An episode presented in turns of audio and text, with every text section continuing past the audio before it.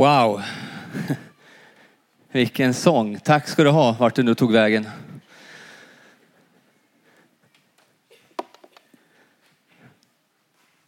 Vad härligt hörni att vara på Nyhem. En fråga för syns jag? Min fru sa åt mig att köpa en ny t-shirt och den är i kamouflage. Jag tänkte jag försvinner på scen. Men ni ser mig allihop, ser mig. Vad bra, vad bra. Hörni, jag vill tacka för, för förmånen att få, få tala Guds ord ikväll och, och se er alla. Jag har en eh, liten annorlunda överskrift på min predikan tror jag, som jag tror jag är först med i världshistorien. Eh, och den, den lyder så här. More than pimp my life. Ni som har eh, sett MTV lite för mycket vet att det fanns en serie som heter Pimp My Ride. Alltså då hade man en, en gammal trasig bil. Och så tog man ett team som var jätteduktig på att liksom fixa till värsta stereon, värsta lacken, värsta allting. Och så vart det liksom en, en ny bil fast ändå att det var en gammal bil. Och då pimpar man upp den, så Pimp My Ride. Men min överskrift är More than Pimp My Life. Jag vet, ibland tror jag så här att vi önskar att, eh, att, eh, att vi ska pimpa upp våra liv lite grann. Ja, men lite rikare, lite coolare. Jag kan posa ganska bra. Jag har liksom sett alldeles mycket. Jag har tre tjejer plus min fru. Vi har sett alldeles mycket på så här eh, toppmodell och så här. Man ska liksom... Man vill bli lite, lite mer liksom. Lite coolare, lite snyggare, lite mer berest. Lite mer frid vill man ha. Kanske lite mer mening i livet. Och så vill man liksom pimpa upp sitt liv så att det blir lite bättre och så att jag blir lite bättre. Och så köper man en ny t-shirt. Man eh, tränar, man kanske gör ett ingrepp, jag vet inte. Även man gör någonting för att förbättra sig, för att liksom pimpa upp det som, är, det som är nu till att det ska bli något annat och lite bättre. Och då kanske man tänker också, det här med Jesus. eh, kan Jesus kanske pimpa upp mitt liv lite grann? Så att mitt blir, blir lite bättre. Eh, lite mer. Och det finns en risk att vi som pastorer ibland också i vår längtan att nå ut med budskapet säger att ja, men Jesus han vill, liksom, han vill bara förbättra ditt liv och, och liksom pimpa upp ditt liv så det blir lite bättre på alla områden. Det finns en sanning i det. Men jag har också eh, lite dystra nyheter. Jesus är inte i pimpa upp mitt liv-branschen. Han är inte här för att fixa till och pimpa upp ditt liv. Jesus är här för att ge dig ett nytt liv. Inte för att förbättra det gamla och göra det lite bättre, utan ett nytt liv vill han ge dig. Ett nytt liv. Och jag har ett ärende ikväll faktiskt att tala om vad Gud vill göra med dig. Och nu händer någonting med min, min sån här. Så, nu vart det bra. Jag ska läsa ett bibelord ifrån Romarbrevet. Där det står så här. Romarbrevet 2 och 4. Bryr du dig inte om Guds oändliga godhet, fördragsamhet och tålamod? Förstår du inte att hans godhet vill föra dig till omvändelse? Förstår du inte att Guds, Gud är god och han vill inte bara förbättra ditt liv, han vill att ditt liv ska ändra inriktning. Inte bara att du fortsätter på den väg du går och så liksom fixar han till och gör det lite bättre. Utan förstår du, hans godhet vill föra dig till en annan riktning, ett annat liv. I the message så står det så här, jag tycker om den. Gud är god, men inte blödig. Han tar oss stadigt vid handen och leder oss med kärlek in i ett nytt liv. Jag älskar den. Jag tycker den är fantastisk. Gud är, inte, Gud är god men inte blödig. Han tar oss stadigt fram och med kärlek leder oss in i ett nytt liv. Inte ett uppimpat, förbättrat liv, utan ett nytt liv. Ett nytt liv. Och jag vet inte hur du känner när du tänker om ett nytt liv. Att en del här inne blir lite orolig. Äh, jag vill ha kvar mitt liv. Jag vill inte ha något annat liv. Så är man liksom rädd att hur blir det om Gud får ta tag i mitt liv?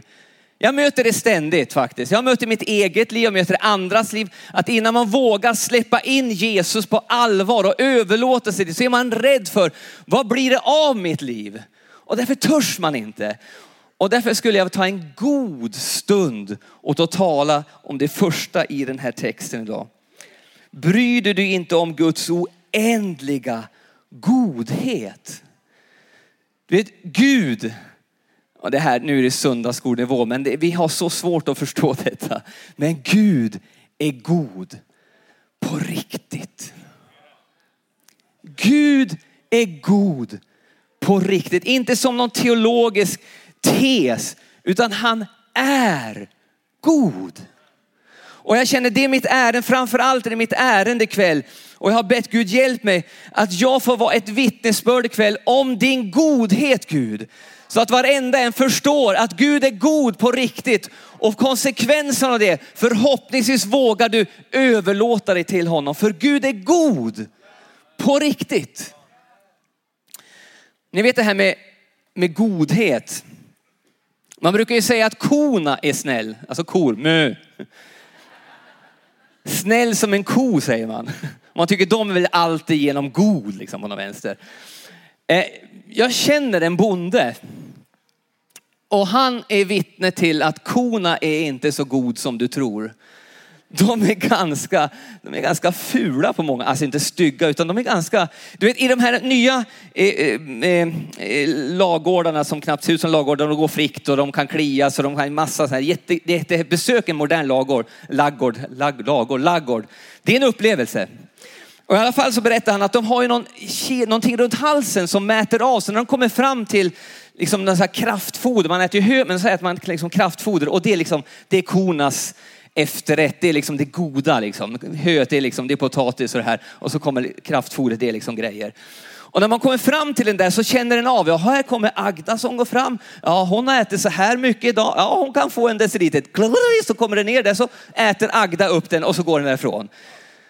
Men när Agda kommer samma gång, samma dag kommer dit och ska äta igen. Och så känner jag, nej Agda har ätit sitt idag. Så det händer ingenting. Vad gör Agda då?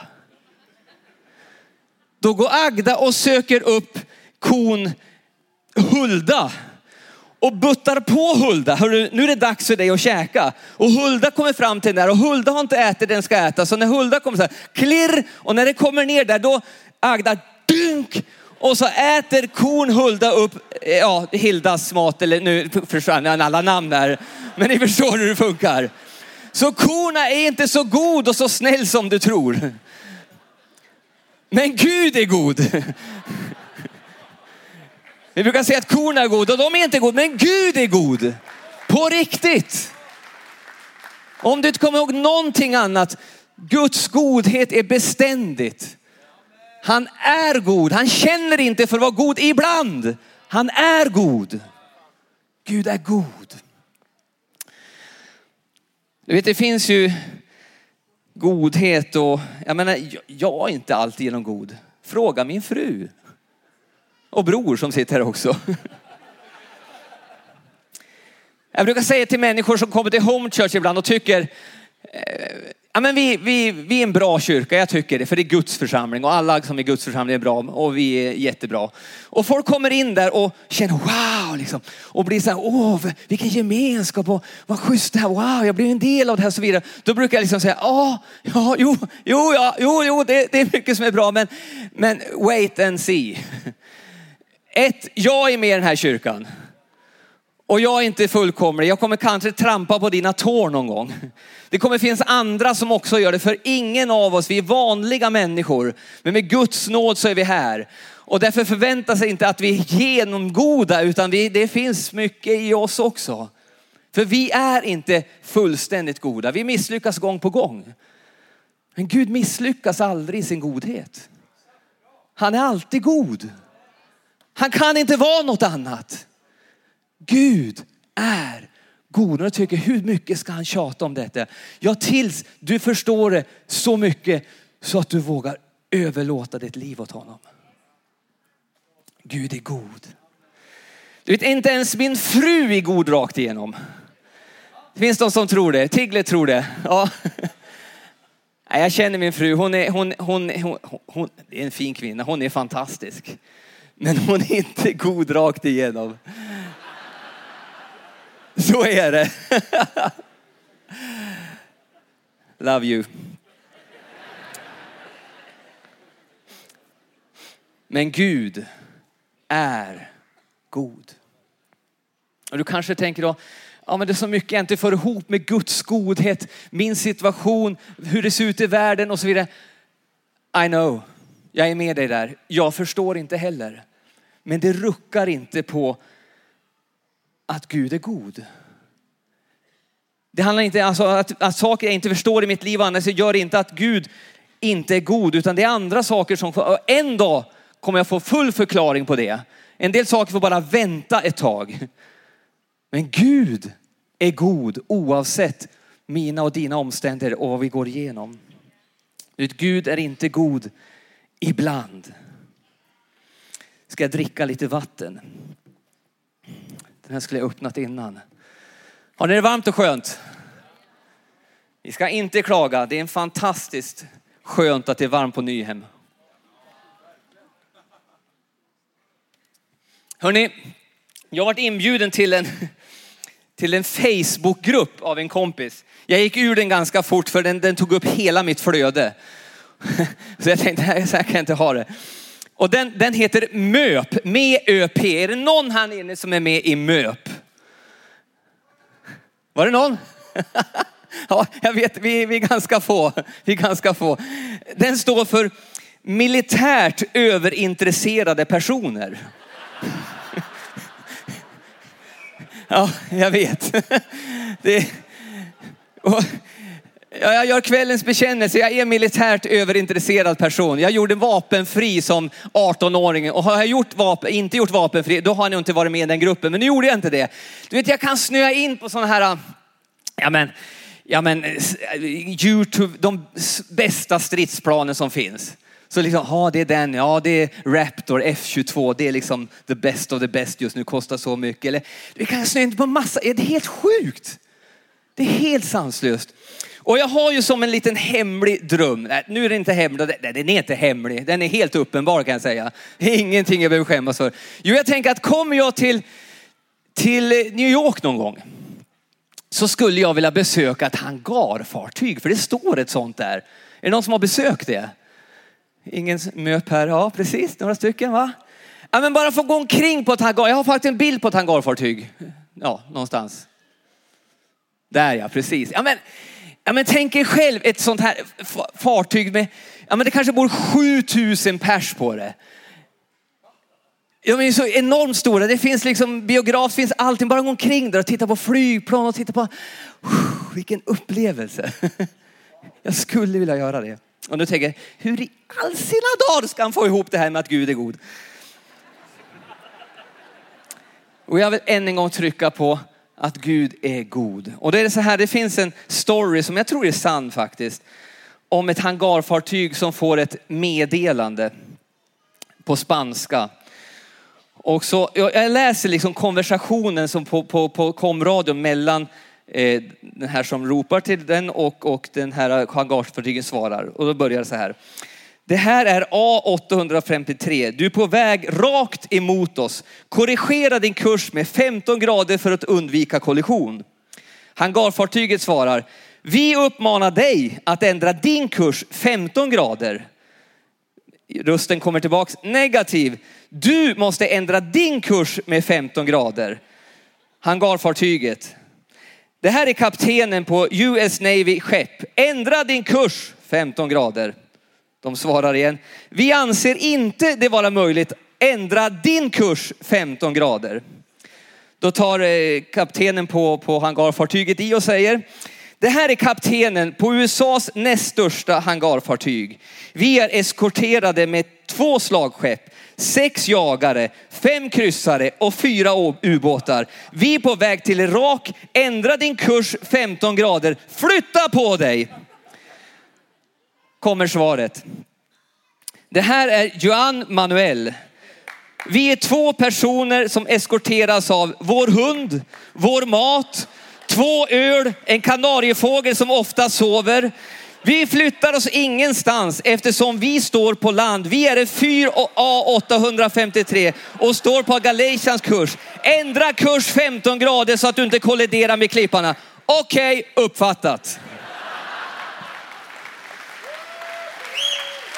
Du vet Gud, han är som den där fyren. Man ruggar inte på Guds godhet. Den står bergfast. Det är vi som får förhålla oss till Gud. För Gud är den han är och Gud är god. Vänd dig till din granne och säg att Gud är god. Och din andra granne, Gud är god. På riktigt.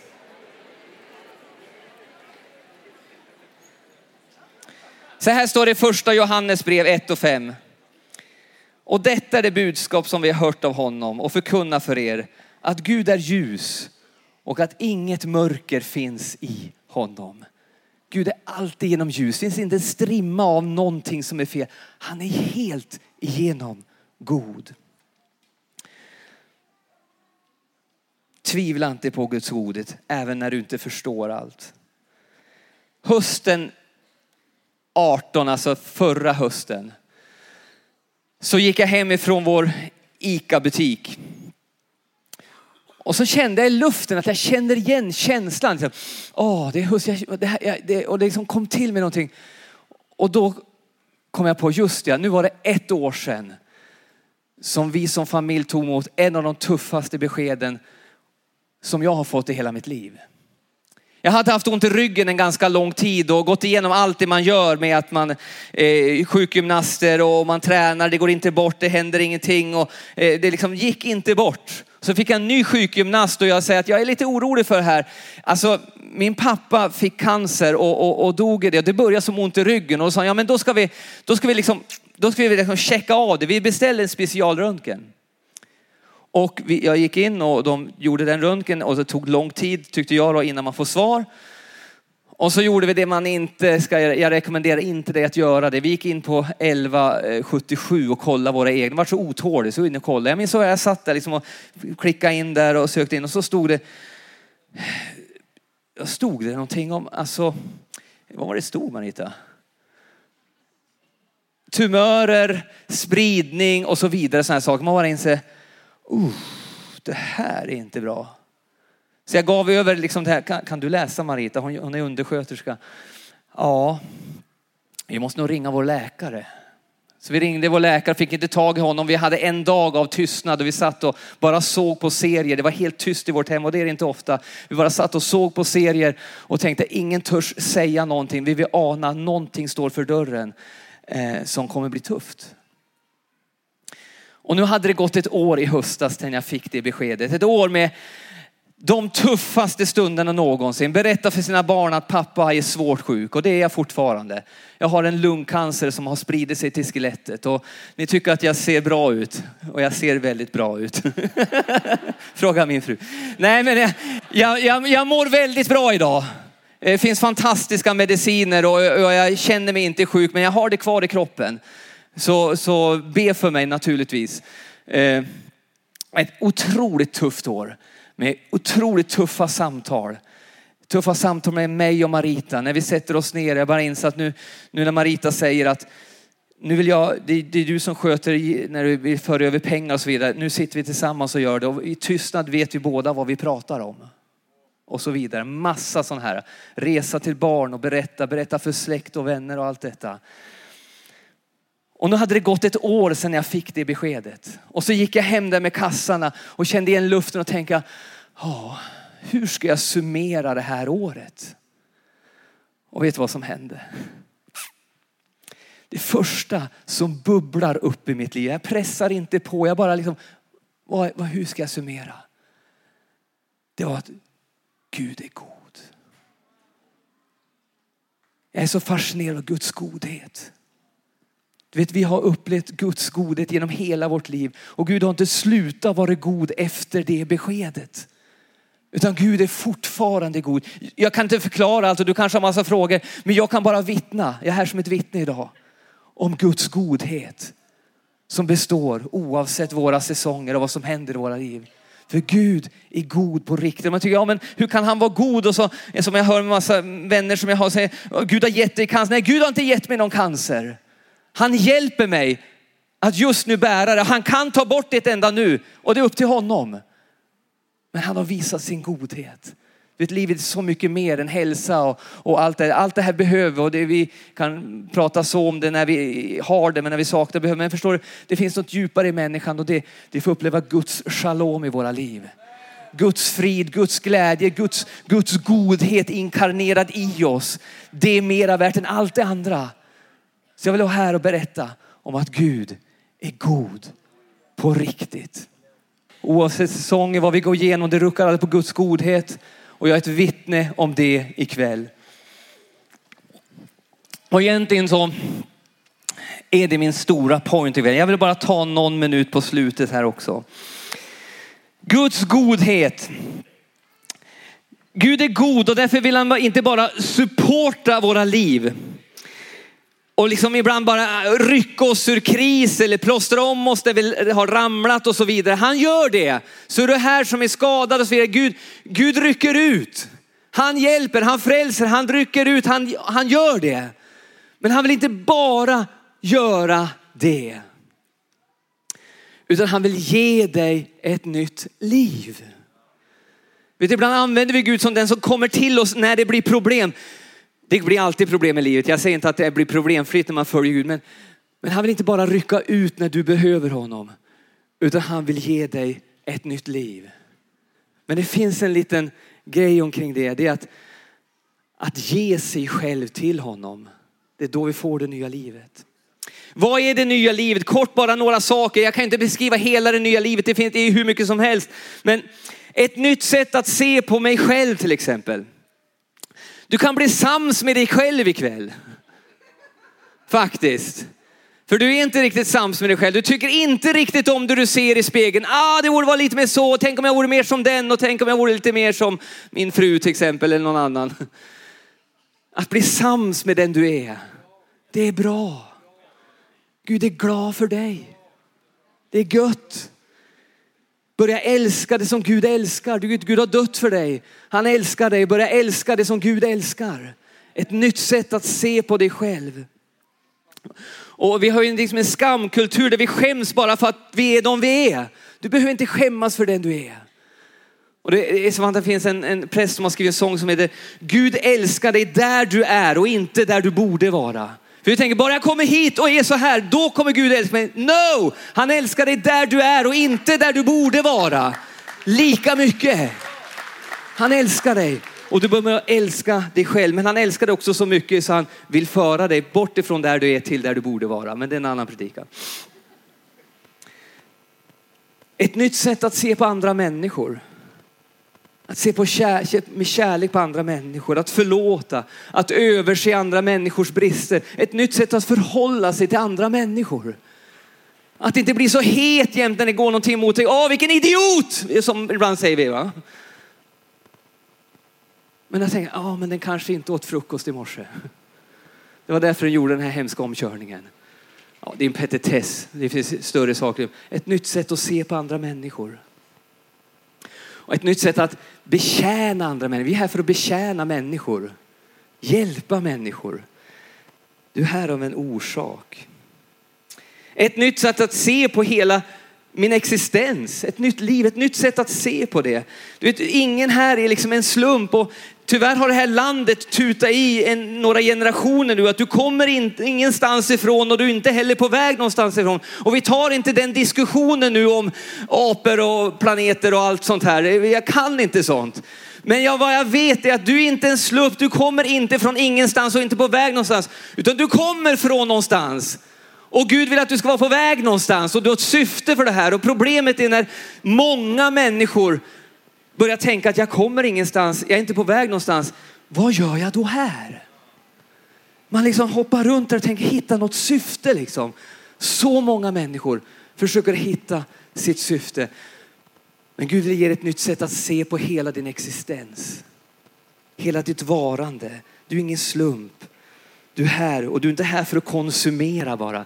Du är här för att tjäna och ge. Och ett nytt sätt också att se på, på the ultimate jobbiga, på döden själv. Att döden inte är slutet. Har du tänkt på hur skulle du leva om du inte var rädd för att dö på riktigt? Och du säger, ja men jag är inte rädd för att dö. Ja. Om du inte var rädd för att dö, hur skulle du leva dina dagar då? Du, det ändrar på ganska mycket. När vi inte ser döden som det slutgiltiga, slut, slutgiltiga, utan vi säger, aha, det är en fortsättning där. Då blir de här åren någonting annat. Ett nytt sätt att se på dig själv och på din existens. Vi ska snart ha förbön här i gudstjänsten. Och hur får man tag i det här livet som Gud vill ge? Hur får man tag i det? Att släppa in Jesus i ditt liv. Och det låter ju så fånigt och så enkelt och det är inte fånigt men det är enkelt. Det är faktiskt så. Du ska inte försöka rycka upp dig, bli bättre, utan du öppnar upp dig för han som har förmåga att göra dig bättre så småningom. Men som älskar dig precis där du är och vill komma in i ditt liv och ge dig ett nytt liv. Inte bara fixa till och pimpa upp ditt liv lite grann så att det blir lite, utan ett nytt liv. Ett nytt sätt att se på dig själv, på andra, på din tillvaro. Så mycket nytt. Gud vill ge dig det. Och genom tron på Jesus så flyttar han in och så börjar ett nytt liv. Och när du har tagit emot Jesus så ska du också söka upp en kyrka och låta döpa dig. För det, det är själva gränsen för det gamla och det nya livet. Du tror på Jesus och sen låter du döpa dig och då har du en gräns i ditt liv. Ah, härifrån börjar någonting nytt i mitt liv. Ett nytt liv. Och då kan det bli som det står i Galaterbrevet 2.19 i, i parafrasen till message. Min värld kretsar inte längre runt mig. Kristus lever inom mig. Det är inte längre mitt liv jag lever utan ett trons liv, ett liv i tilltro till Guds son som älskat mig och gett sitt liv för min skull. Det ångrar jag aldrig. Du kan gå härifrån och känna det här, och jag gjorde någonting den här kvällen. Och du kanske sitter och ser på webben och så vidare och du tar ett beslut snart och du kommer kunna säga att det här ångrar jag inte. Det ångrar jag aldrig. Du kanske är redan troende. Men du kanske vill ha Jesus som en, som en, mer som en assistent. En, alltså inte en sån här som man bakar med. Nej, utan någon som ska liksom bara supporta och hjälpa dig. Istället för att han ska vara herre i ditt liv. Det är skillnad på det. Du vet, han vill inte pimpa upp ditt liv, han vill ge ett nytt liv. Och ibland så kanske du ser på en del kristna vänner du har som du tycker har något lite extra. De, liksom, de verkar vara fri och liksom glada, de har någonting mer än mig. Vet du vad jag tror ofta beror på? De har gett upp sitt eget liv och bara lagt ner det Gud. Gud, här har du. Ta mitt liv. För då händer någonting. Vi ska läsa ett bibelord till. Matteus, Jesus säger så här i Matteus 16. Ja, den som klamrar sig fast vid livet kommer till sist att förlora det. Men den som förlorar sitt liv för min skull kommer att finna det. Du vet, det är när vi liksom ger upp bestämmande rätten över våra egna liv. Det är då vi hittar livet. Det är då det händer så vill du ha verkligen det nya livet, då måste du släppa någonting också. Jag vet det är lite scary och det är därför jag har pratat om Guds godhet. För när du blir rädd för det och tänker jag törs inte släppa mitt liv för då, hur blir det då? Då kommer han flytta mig någonstans och göra någonting jag inte vill. Gud är god. Så när du släpper ditt liv till honom så ger han dig ett bra liv. Han vill någonting med dig. Det är därför jag tog så gott om tid på att tala om Guds godhet. För när du blir rädd för att göra de här besluten så var det bara att lita på att Gud är god. Och du kommer inte ångra det. Att du tar de besluten. Ska vi stå upp tillsammans?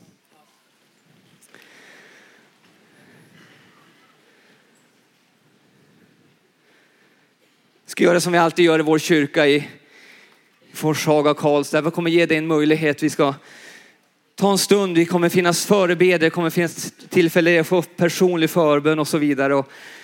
Först vill jag ge dig en möjlighet som vill kanske för första gången ta emot Jesus i ditt liv. Om du sitter hemma och ser på webben eller vart den än är. Jesus är nära dig och han kallar dig just nu. Det är det du känner, det är därför det pickar lite extra ditt hjärta nu. Det är Gud som knackar på din dörr. Och kom ihåg, det är Guds godhet som knackar på ditt dörr. Det är Guds godhet. Var inte rädd. Var inte rädd. Därför ska vi snart göra det. Jag kommer be oss att vi liksom blundar och så vidare och jag kommer be dig att, jag kommer kanske inte se den här men som ett tecken för dig själv på det viset att du faktiskt när du, ja men jag är en av de som idag ska ta emot Jesus Kristus, kanske för första gången. Eller du kanske har vandrat liksom långa vägar bort och känner, nej men nu, nu vill jag tillbaks hem till pappa igen. Och nu vill jag släppa in Jesus i mitt liv igen. Då ska vi ta och, och göra det ikväll. Så om du finns här som vill göra det så vi blundar allihop tillsammans nu.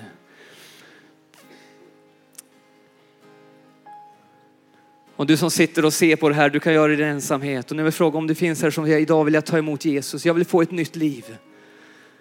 Det här är min kväll och jag vill göra detta beslut. Ska det räcka din hand just nu? Det kommer fler som räcker sina händer här över hela salen. Så du kommer inte vara ensam, så räck bara din hand. Jag ser din hand. Det finns fler som räcker sina händer. Det är Guds godhet som kallar på dig.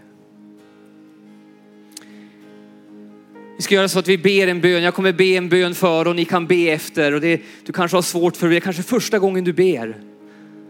Så vi vill hjälpa dig med det. Så vi ber allihop, även du som har en tro kan be tillsammans. När jag ber före kan ni be efter.